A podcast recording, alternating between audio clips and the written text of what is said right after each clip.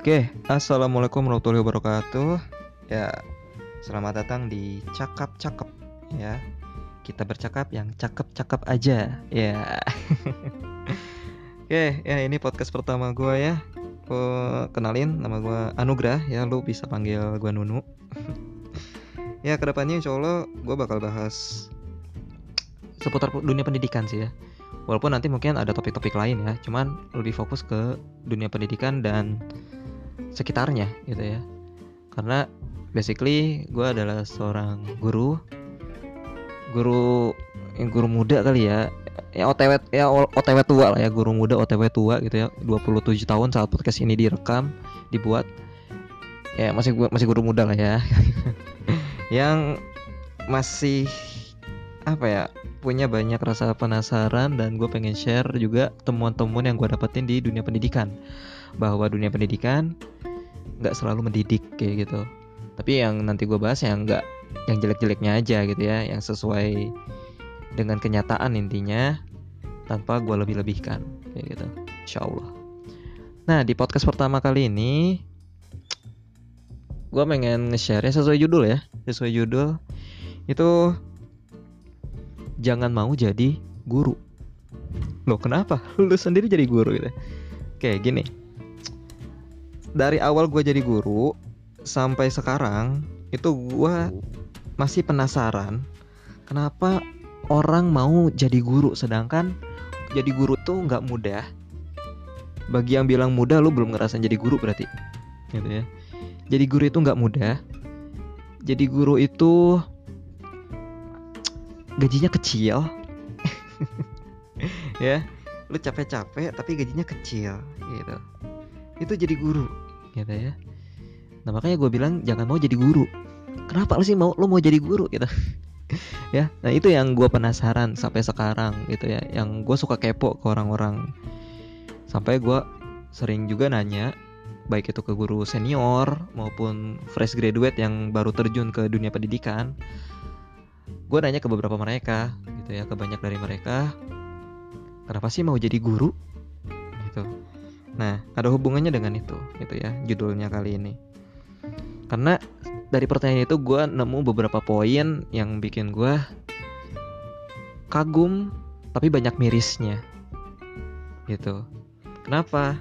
Temuan yang pertama ya, ketika gue nanya itu ke teman-teman guru yang lain, teman pertama itu alasan mereka menjadi guru adalah satu, karena kemampuan akademik. Jadi mereka jadi guru karena ada satu bidang yang mereka kuasai dan mereka ingin share ke orang lain gitu. Ke penerus mereka penerus kita gitu. Oh itu bagus keren gitu ya. Keren banget kan. Uh, punya ilmu nggak mau pelit gitu kan. Berbagi gitu. Nah itu itu alasan pertama. Alasan kedua itu karena status keluarga gitu. Status sosial keluarga itu jadi kan beberapa kita nih lahir dari latar belakang keluarga berbeda-beda kan, berbeda-beda. Nah, ada beberapa keluarga, hmm, motor lewat.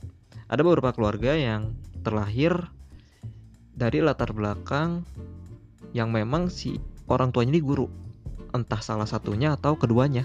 Entah ibunya doang, bapaknya doang atau dua-duanya guru gitu.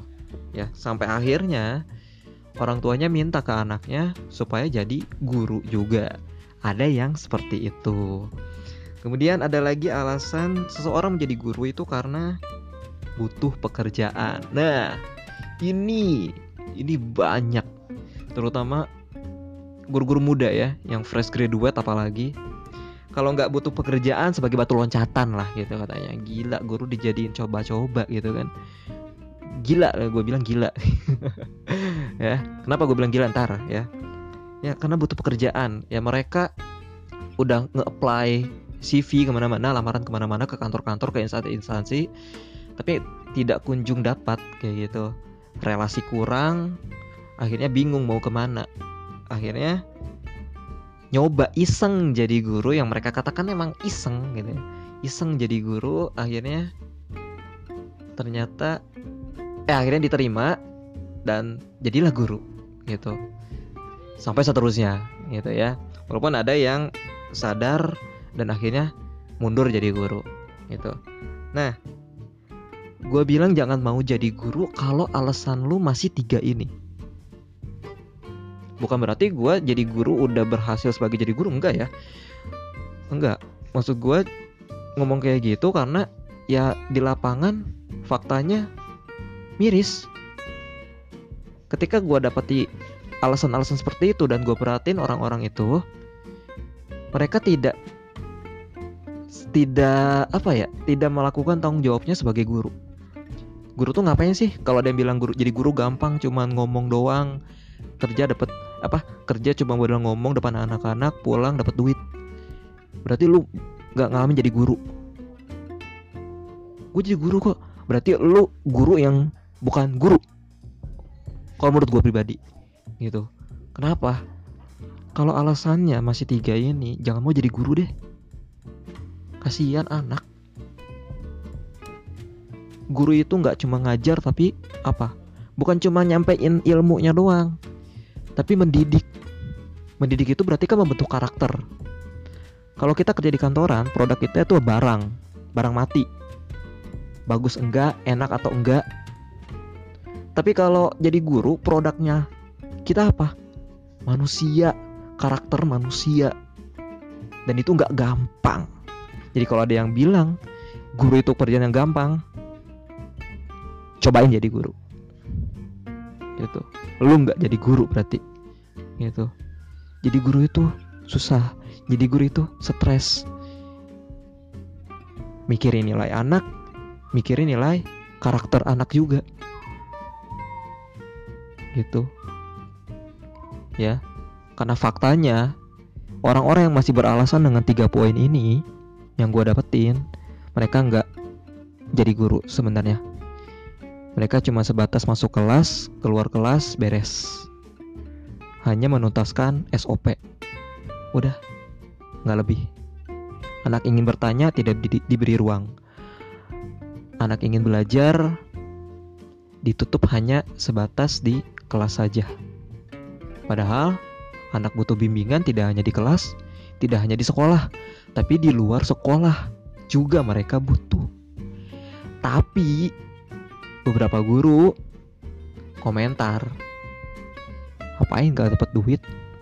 Noh orientasinya udah beda.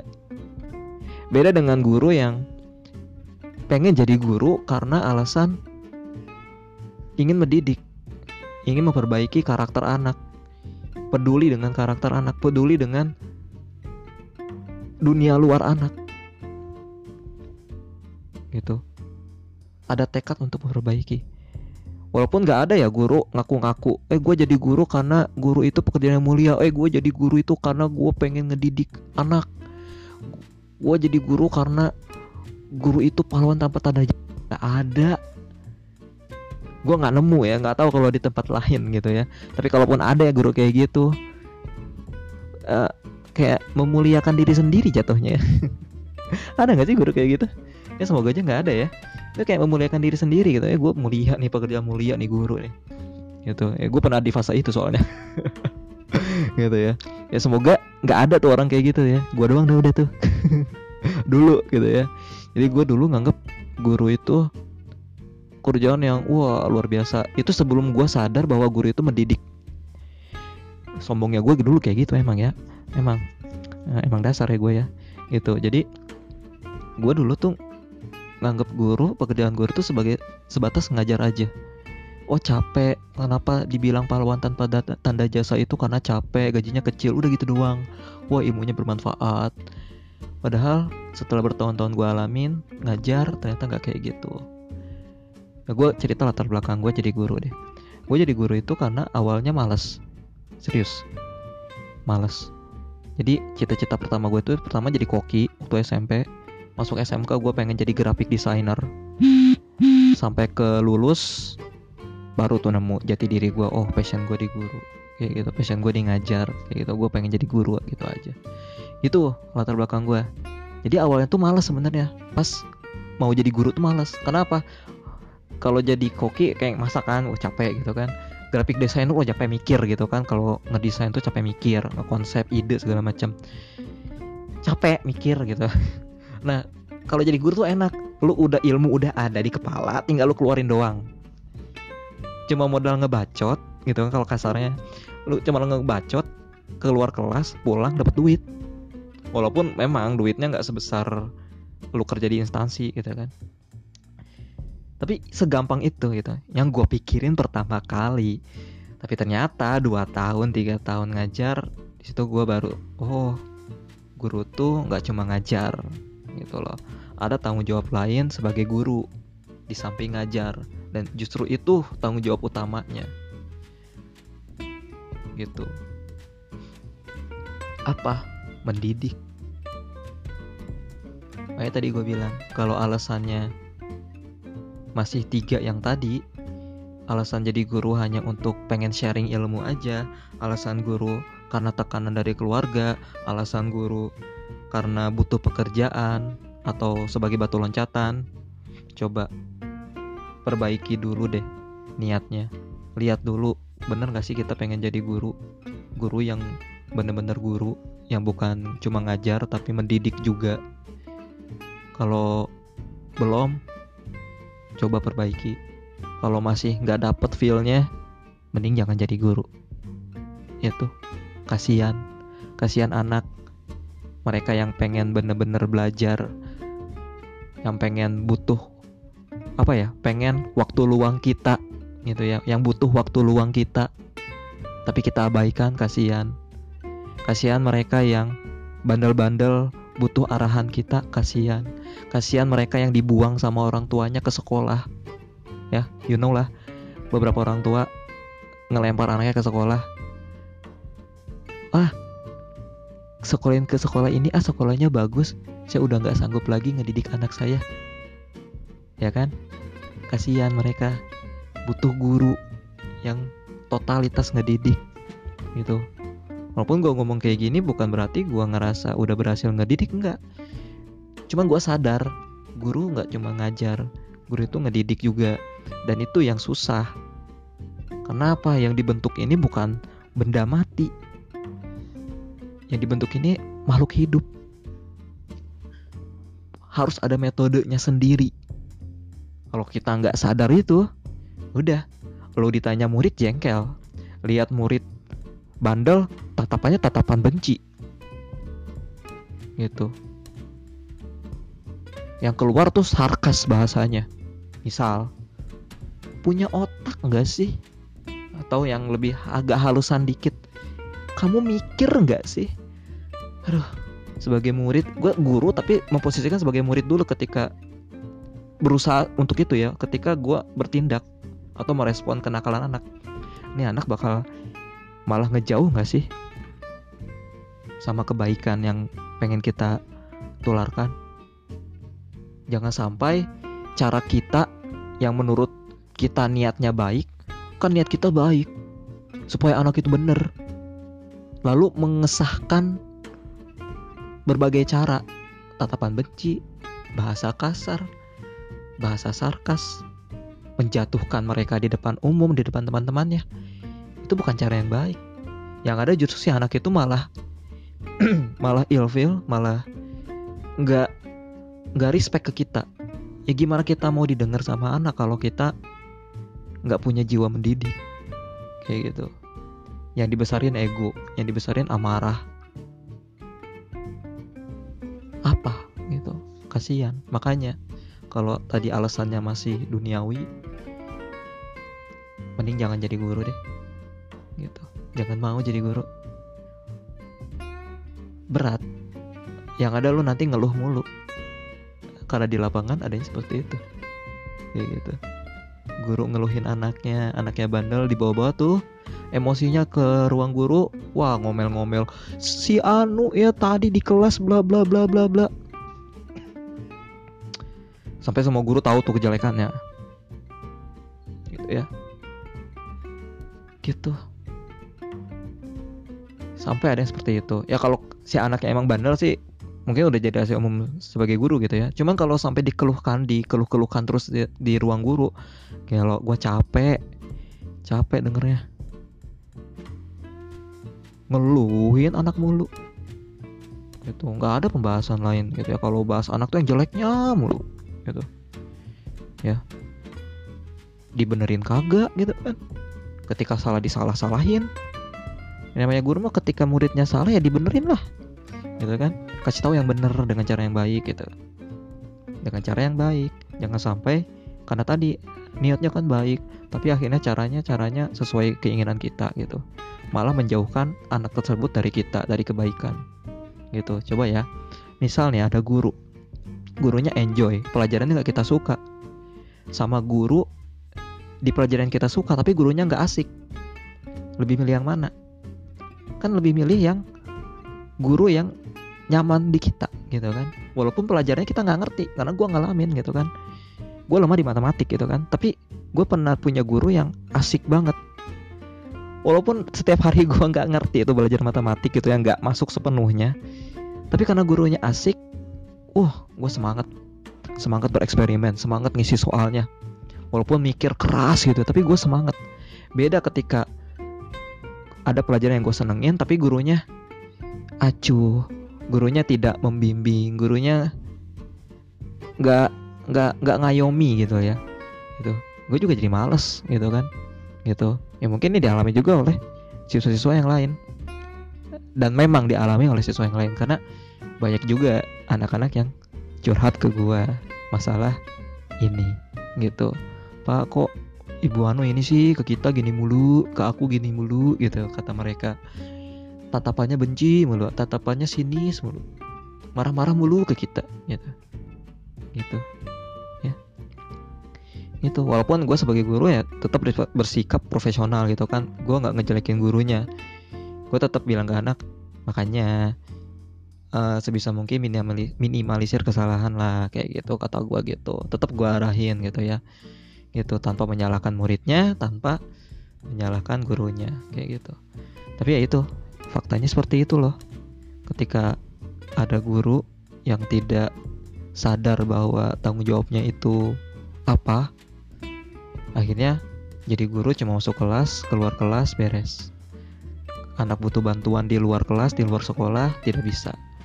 Anak butuh bantuan uh, di pendidikan ahlak gitu ya nggak peduli gitu. ada anak buang sampah sembarangan bodoh amat. Anak-anak ngomong kasar bodoh amat. Ada anak apa ya ya pokoknya ber, berhubungan dengan ahlak gitu ya. Masih banyak guru yang acuh nggak peduli. Allah dia di ini orang tuanya aja itu mah begitu. Ya itu ya itu yang temuan-temuan yang gue temui ya seputar alasan seseorang menjadi guru. Dan itu ternyata mempengaruhi kinerja dia sebagai guru atau totalitas dia sebagai guru gitu. Makanya gue bilang kalau lu nggak sanggup jadi guru alasannya masih karena cuman sekedar pengen sharing cuman karena tekanan keluarga dan karena butuh pekerjaan atau batu loncatan coba deh perbaiki dulu niatnya sebagai guru gitu ya. Munculin tekad tekad tekad buat ngedidik gitu ya kalau masih nggak nemu juga masih nggak dapat feelnya mending keluar gitu. Mending cari profesi yang lain gitu. Kasihan anak gitu ya. Karena menjadi guru di era sekarang itu sulit. Bukan cuman akhlak di dunia nyata tapi di dunia maya juga. Karena mereka dapat informasi itu sangat cepat di dunia maya gitu kan. Nah kita harus perang sama itu gitu ya. Gitu jadi kalau guru gurunya sendiri alergi sama perubahan zaman alergi sama perubahan metode dalam mengajar dan mendidik ya gue nggak tahu gimana ke depannya tuh anak gitu. Ya walaupun gue secara gue pribadi sebagai guru ya belum merasa berhasil sebagai guru gitu. Cuma gue sadar bahwa tanggung jawab guru itu sekarang makin berat gitu. Ya jadi itu. Jangan mau jadi guru kalau lu nggak siap jadi guru dan belum paham apa tanggung jawab guru gitu. Ya itu aja sih podcast kali ini. Ya ini yang mau gue sharing ya unek-unek gue salah satu unek-unek gue gitu ya. Karena masih ada beberapa unek-unek lagi yang gue temui di dunia pendidikan ini gitu.